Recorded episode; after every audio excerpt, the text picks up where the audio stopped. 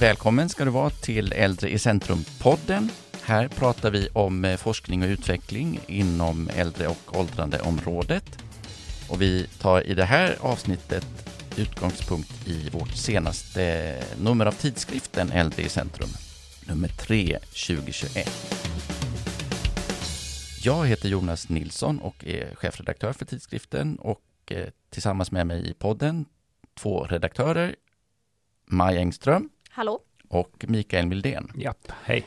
Vi tillsammans är då de som gör eh, podd och tidskrift och även webbplats Äldre i centrum.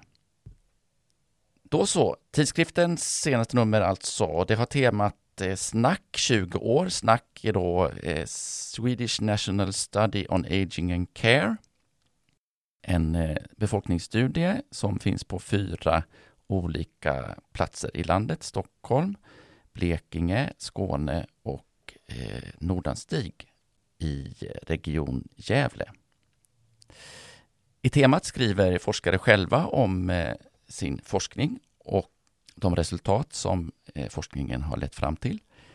Men vi i redaktionen skriver också en del och då undrar man ju vad har du Maj skrivit i det här numret? I det här numret har jag eh, fått skriva om ett väldigt intressant eh, boendeprojekt i Helsingborg där eh, olika generationer bor tillsammans för att eh, få sociala vinster och förebygga ensamhet och samtidigt erbjuda ett väldigt billigt boende. Projektet heter Selbo och där har jag pratat med två forskare som har följt det här projektet i ett års tid. För de äldre har det ju varit stora sociala vinster. Eh, de tycker ju att det har varit ensamt innan de har flyttat dit och sen nu har de fått träffa nya vänner. En del av de här yngre som bor där då är ju bland annat nyanlända svenskar. Och då är det någon äldre där som har berättat att hon har varit med på deras eh, studentutspring till exempel. Medan andra har fått lära sig eh, att ta körkort och fått hjälp med svenskan. Det låter som att det här inte är ett eh, supervanligt eh, boende. Nej, Yvette Arroyo, en av forskarna som jag pratade med, menar att det här är ett unikt projekt. Det unika i Selbo är att det är olika generationer som ska bo tillsammans. Men eh, blir boendet kvar nu då? Det ska bli spännande att se. Det här projektet löper ju ut december 2022. Men Helsingborgshem som driver det här då, de ska prata och diskutera framtiden redan i december i år om det här boendet ska vara kvar eller inte. Jag har också intervjuat eh, forskaren i fokus i det här numret som har varit Mats Torslund, professor emeritus i social gerontologi vid Karolinska institutet och som är ledamot i regeringens coronakommission. Just det. Och det var han lite förvånad över att han blev. Ja, han har ju inte varit en helt okontroversiell figur eh, genom äldreforskningens tid, utan har oftast varit väldigt hård eh, och kritisk mot eh, hur äldreomsorgen har sett ut. Att den är nedprioriterad, inte får de resurser den behöver och har blivit kallad något av en domedagsprofet. Så att han fick den här förfrågan blev han lite förvånad över. Men med sin meritlista så kan man ju förstå varför han blev vald. Micke, vad har du haft för dig? Ja, jag har ju gjort eh, Fokus forskningscentrum, som är ju en serie vi har. Och den här gången har jag liksom eh, pratat med några av de riktiga tungviktarna, får man säga. Jag har pratat med Case i Lund. Så de har ju väldigt starkt fokus egentligen på just miljön kring äldre och åldrande personer. Men så att det är väldigt strikt så. Det är liksom inte en forskningsmiljö som samlar alla äldre forskare i, i, i Lund.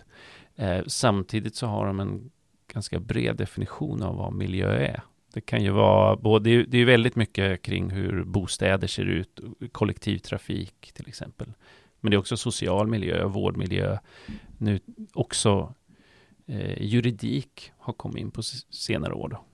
De har ju också stort engagemang i forskarskolan Svea. Precis.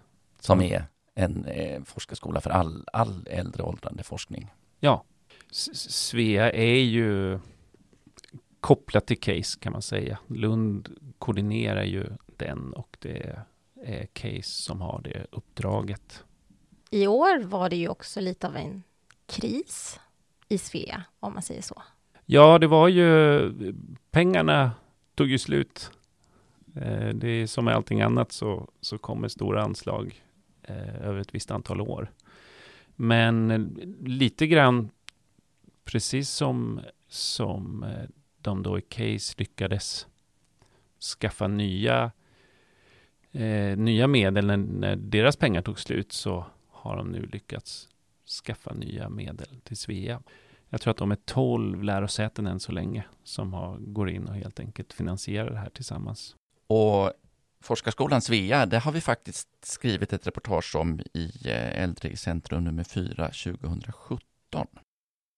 Ja, men sen har jag gjort också eh, som vanligt eh, lästipsen eh, som vi har. Jag tänkte bara jag skulle nämna ett par. Dels så, så eh, tipsar vi där om Barbro Westerholms biografi som jag tänker att det är många av er lyssnare som eh, är intresserad av och vet eh, allt hon har gjort. Och bland annat varit ordförande för SPF seniorerna och ja, men, jobbar mycket med äldrefrågorna. Nu. Riksdagens äldsta ledamot. Till och med det. Ja. Eh, och sen en annan helt unik bokutgivning skulle jag säga är ju Dansa med Corona. Där det är Kristianstad kommun faktiskt som ger ut den boken. Eh, där man har samlat vittnesmål då från eh, personalen på ett av sina boenden. Där de berättar om hur det var att eh, jobba i omsorgen när corona slog till som värst. Eh, och det är ju ett skarpt tips eh, att kika på. Och som jag hoppas att vi ska kunna göra någon lite fördjupande artikel om eh, i, till nästa nummer kanske av tidningen. Mm. Själv har jag eh, gjort en intervju med en Eh, doktorand, eller numera nydisputerad doktor, ganska nydisputerad, Lena Kroik, som i sin avhandling har skrivit om eh, samisk kultur kring liv och död och närvaro efter döden. Den intervjun tycker jag är otroligt läsvärd. Hon skriver ju då om vad eh, samer ser som viktigt i livets slut. Och att det här är någonting man inte har undersökt på samma sätt tidigare. Det visar sig nämligen att det finns en gemenskap där med till exempel naturen och den nära släkten som har visat sig vara otroligt viktig för just samer och inte någonting man kanske betonar i vården just nu eller ens vet om. Ja, det saknas ju enligt Lena kunskap helt enkelt på det här området och och eh, hennes, hon har förhoppningen att eh, hennes avhandling kan bidra då till en förbättrad vård och omsorg. Som en del av avhandlingen gjorde hon eh, ganska intressanta fokusgrupper, vandrande fokusgrupper, där hon var ute tillsammans med ett antal samer i naturen och pratade om livs och dödsfrågor. Vad tycker du då om man ska läsa först, Micke? Ja, jag har fastnat lite vid eh, en artikel om film som tillhör vår lästipsavdelning då, men det här är ju tittartips snarare. Så att det är eh, trevligt nog eh, Marit Koskinen faktiskt, som är ju professor emerita i filmvetenskap va, vid Stockholms universitet. Som har kommenterat den här lilla, lilla eh, filmboomen om eh, demenssjukdom som har varit bland spelfilmerna. Eh, och, och den här eh, recensionen då, den eller anmälan, den liksom utvecklar sig till en fullständig kavalkad av filmtips eh, kring äldre och åldrande. Så att när man kommer ur den, då har man inte bara de här fyra filmerna med sig, utan man har liksom en lista på 20-25 filmer och eh, tv-serier. Nu har ju en av de här filmerna, The Father med Anthony Hopkins, den har ju fått ganska mycket uppmärksamhet nu, så att den känner ni säkert igen. Eh, vi har Supernova med Colin Firth, som handlar om ett åldrande par som ger sig ut på roadtrip. Och eh, Viggo Mortensen, han har gjort en film som heter Falling. Och sen har vi ju Relic, som är något, en slags demensskräckis faktiskt. Eh, på trailern ser det ju rätt läskigt ut, eh, mycket obehagligt.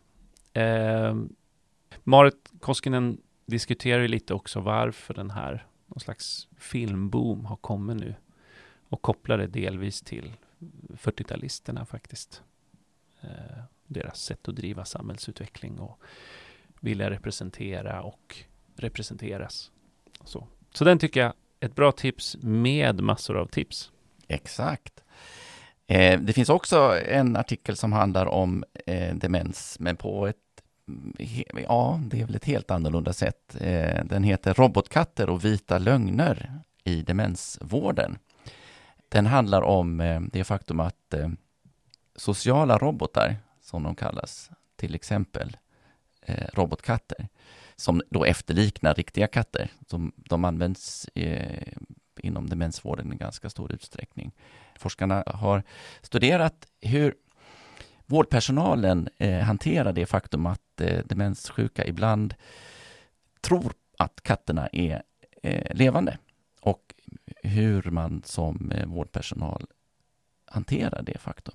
Det är där det här med vita lögner kommer in, att ibland så, så behöver man kanske inte definiera en verklighet utifrån sitt eget perspektiv, utan man kan faktiskt gå med eh, den eh, demenssjukes bild av världen och låta det vara det som styr. Det blir en liten gråzon därför att man kanske inte riktigt får göra det, eller man får åtminstone inte förstärka det här. Precis, det är väl det som nämns eh, av Statens medicinetiska råd, att man får inte på något sätt vilseleda de här människorna till att tro att det här är någonting verkligt.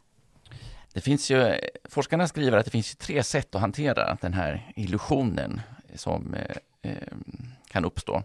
Man kan avslöja den, man kan följa med i den eller man kan initiera den.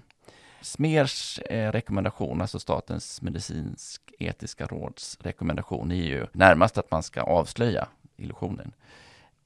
Det, det forskarna landar i, det är den här mellanvarianten, att man kan följa med i den.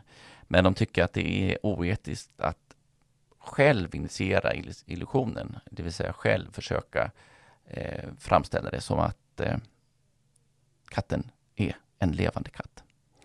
De eh, konkluderar med att peka på att det behövs mer forskning omkring de här vita lögnerna i förhållande till, till personal och boende och eh, närstående till de boende. Det är också, eh, de hänvisar också till personal som berättar hur otroligt viktiga de här robotkatterna eh, kan vara för de boende. Så det ligger också lite där i vågskålen att det, det händer väldigt mycket när de jamar och kanske rör lite på sig och sådär. Det finns förstås annat i det här numret som vi tar med oss. Micke, till exempel. Ja, jag skulle faktiskt vilja slå ett slag för hela temat eh, egentligen. För det, jag tycker att det är väldigt kul med att få en liten fördjupning kring en sån här befolkningsstudie som ju är ett massivt projekt och samlar in enormt mycket data Eh, och så. Eh, och det är väldigt, väldigt intressant att föra lite historien och se hur samarbetena mellan de här fyra orterna eller projektdelarna har funkat och så där. Och sen också eh, läsa lite om vad det kan innebära mer konkret i form av resultat och sånt där. Så det tycker jag, det tar jag med mig lite eh, faktiskt. Är det några särskilda resultat som du tänker på då? Ja, alltså i, i det här temat så eh, beskrivs ju till exempel en ny förenklad screeningmetod för eh, fallrisk som eh, verkar väldigt bra. Och det, det är det som är så häftigt när de har alla de här data så att, och, och, över tid. Då kan man ju liksom gå tillbaka och se på personer som liksom inte har fallit. Och, men har det hänt då ett år senare och, och, och vad hade vi för, eh, för liksom parametrar att ta hänsyn till? Det, vi har en artikel om att förebygga självmord, ett formulär för att förutse dålig hälsa, framtida dålig hälsa till exempel, eller förebygga demenssjukdom då. Sen kan jag tycka också från tidningen att när vi, om man pratar om befolkningsstudier så, så har ju AgeCap nere i Göteborg, de har ju en egen sida i, i tidningen och där skriver de faktiskt om H70-studien som fyller 50 år i år. Eh, så att man får lite extra allt på befolkningsstudiefronten i, i det här numret. Och, och det, är, det är superhäftigt. Precis, och det är ju eh, både eh, snackstudien då, som temat handlar om, och eh, H70 är ju gigantiska studier. Det finns ju hur mycket data som helst. Absolut, och det, man ser ju också här att det kommer till liksom studier eh, som Snack IT till exempel man tittar på teknik eller, eller eh, i Stockholm så har man ju också eh, utvecklat sin vårdsystemstudie då till att bli mer heltäckande eh, för hela Stockholm och sådär. Så att det, det finns ett utvecklingsarbete som sker. Det, det, här fallförebyggande instrumentet som du nämner, det leder faktiskt över mig till eh, en artikel som jag skulle vilja eh, prata lite om, som jag tar med mig en del ur. Och den heter Global uppväxling av fallprevention och handlar om eh, Världshälsoorganisationens eh, rapport Step Safely som handlar just om att förhindra fall. Och då får vi bland annat lära oss att varje år dör tusen personer i Sverige på grund av en fallolycka. Det är fem gånger fler än som dör i trafiken. De flesta är, som drabbas av fallolyckor är över 65 det här är jätte, för samhället jättedyrt, förutom då eh, lidandet som åsamkas de som faller. Det är, en, det är en väldigt omfattande rapport som eh, Marina Arkukangas, eh, FoU-chef på FoU i Sörmland, har eh, skrivit eh, om här i eh, det här numret av tidningen. Men då finns det i den här rapporten eh, en del saker som man kan ta fasta på man kan ju tro och tycka att vi i Sverige har eh, väldigt avancerade sjukvård och avancerade förebyggande metoder. Men det finns mer för oss att göra och plocka upp. Bland annat så har vi det här FIF-instrumentet som är då screenar för eh, personer i, risk, i riskzon för att falla och de som kan behöva mer hjälp och stöd efter ett skadligt fall. Maj, vad stoppar du i ryggsäcken? Ja, jag tar med mig tre stycken nyheter faktiskt som ungefär snuddar på samma tema om åldersrepresentation i både sociala medier och i vanliga medier så att säga. Och även föreställningen om att äldre skulle vara mer teknikfientliga. Och de här hittar ni alltså på våra nyhetssidor och det handlar om tre olika studier eh, varav en är en hel doktorsavhandling faktiskt. Eh, det det handlar om i stor utsträckning till varför äldre inte tar till sig ny teknik är att det är svårt för dem. Att den nya tekniken är komplicerad. De är inte målgruppen för den och därmed så känner de att ja, varför ska jag då använda mig av någonting som inte är gjort för mig? Så, så de resultaten pekar också lite på hur man skulle kunna hjälpa den åldersgruppen då att kunna ja. ta till sig teknik? Ja, mm. och det är ju då att tänka sig dem som målgrupp för det första och sen att anpassa tekniken så att den inte bara är eh, komplicerad utan att det finns enklare versioner också, till exempel. Och sen finns det en annan som är en rapport om hur äldre känner att de inte syns i medier. Och det är ju ett problem som har varit sedan tidigare. Men här får vi siffror på, på allting. Och den sista är en doktorsavhandling av Wen Chan Shu från Linköpings universitet som har skrivit en doktorsavhandling om eh, bilden av äldre i sociala medier i kommuner i Sverige. Och att där har de oftast använt bilder som representerar den friska, pigga äldre personen. Någonting som kan eh, vara till problem för de som faktiskt är lite skröpliga. Att de inte är representerade. Och det i sig kan leda till en form av ålderism där man eh, bortser från att visa den andra sidan av det, åldrandet helt enkelt. Jag tänker att eh, vårt problem kanske är det motsatta på ett sätt och vis. För vi skriver ju och berättar ofta om eh, problem med åldrandet. Eh, och kanske inte så ofta om eh, fördelar. Punkt. ja, nej, det händer ju ibland. Jag, jag tänkte på den här, eh, en artikel vi hade precis när jag började i tidningen, tror jag, som handlade om att eh, de flesta ser faktiskt fram emot sin pension och är redo att, att utnyttja den. Eh, vilket ju tidigare inte var riktigt fallet, utan att många, många kände sig lite rotlösa när de inte hade sitt arbete kvar. Men att det där, att pensionen börjar bli något riktigt eh, som man längtar till. Mm. Ja, precis. Och att man också får tänka på att det är eh, återigen den här diversiteten inom gruppen äldre personer. Eh, det, det finns väldigt många olika eh, sätt att åldras på, helt enkelt. Precis, precis som, som det också ju är en väldigt eh, lång åldersgrupp, höll jag på att säga, men vi pratar från 65 och upp till en bit över 100, eh, vilket gör enorma perspektiv och stor utveckling. Faktum är att i vårt nästa nummer så kommer vi att titta eh, på åldrandet ur ett eh, livsperspektiv. Tanken är att eh, beskriva de faktorer som påverkar åldrandet från födseln i stort sett. Biologiskt, socialt, psykologiskt.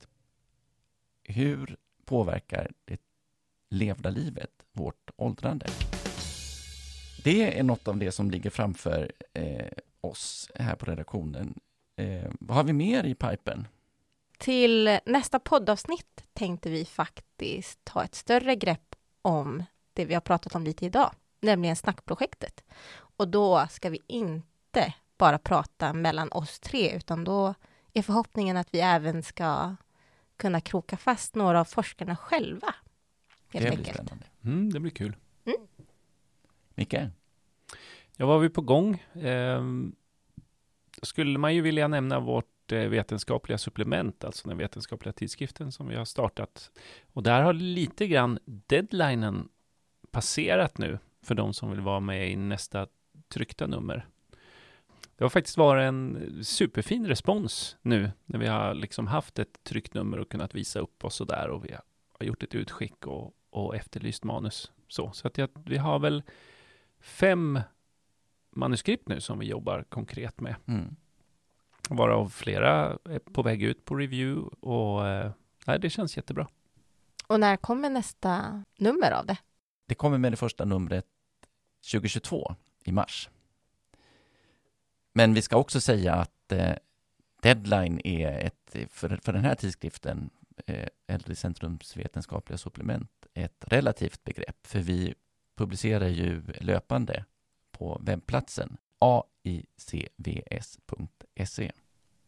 Precis, så hör av er till oss med idéer och tankar och frågor om ert manuskript kan Eh, kan tänkas platsa hos oss, så tar vi det därifrån.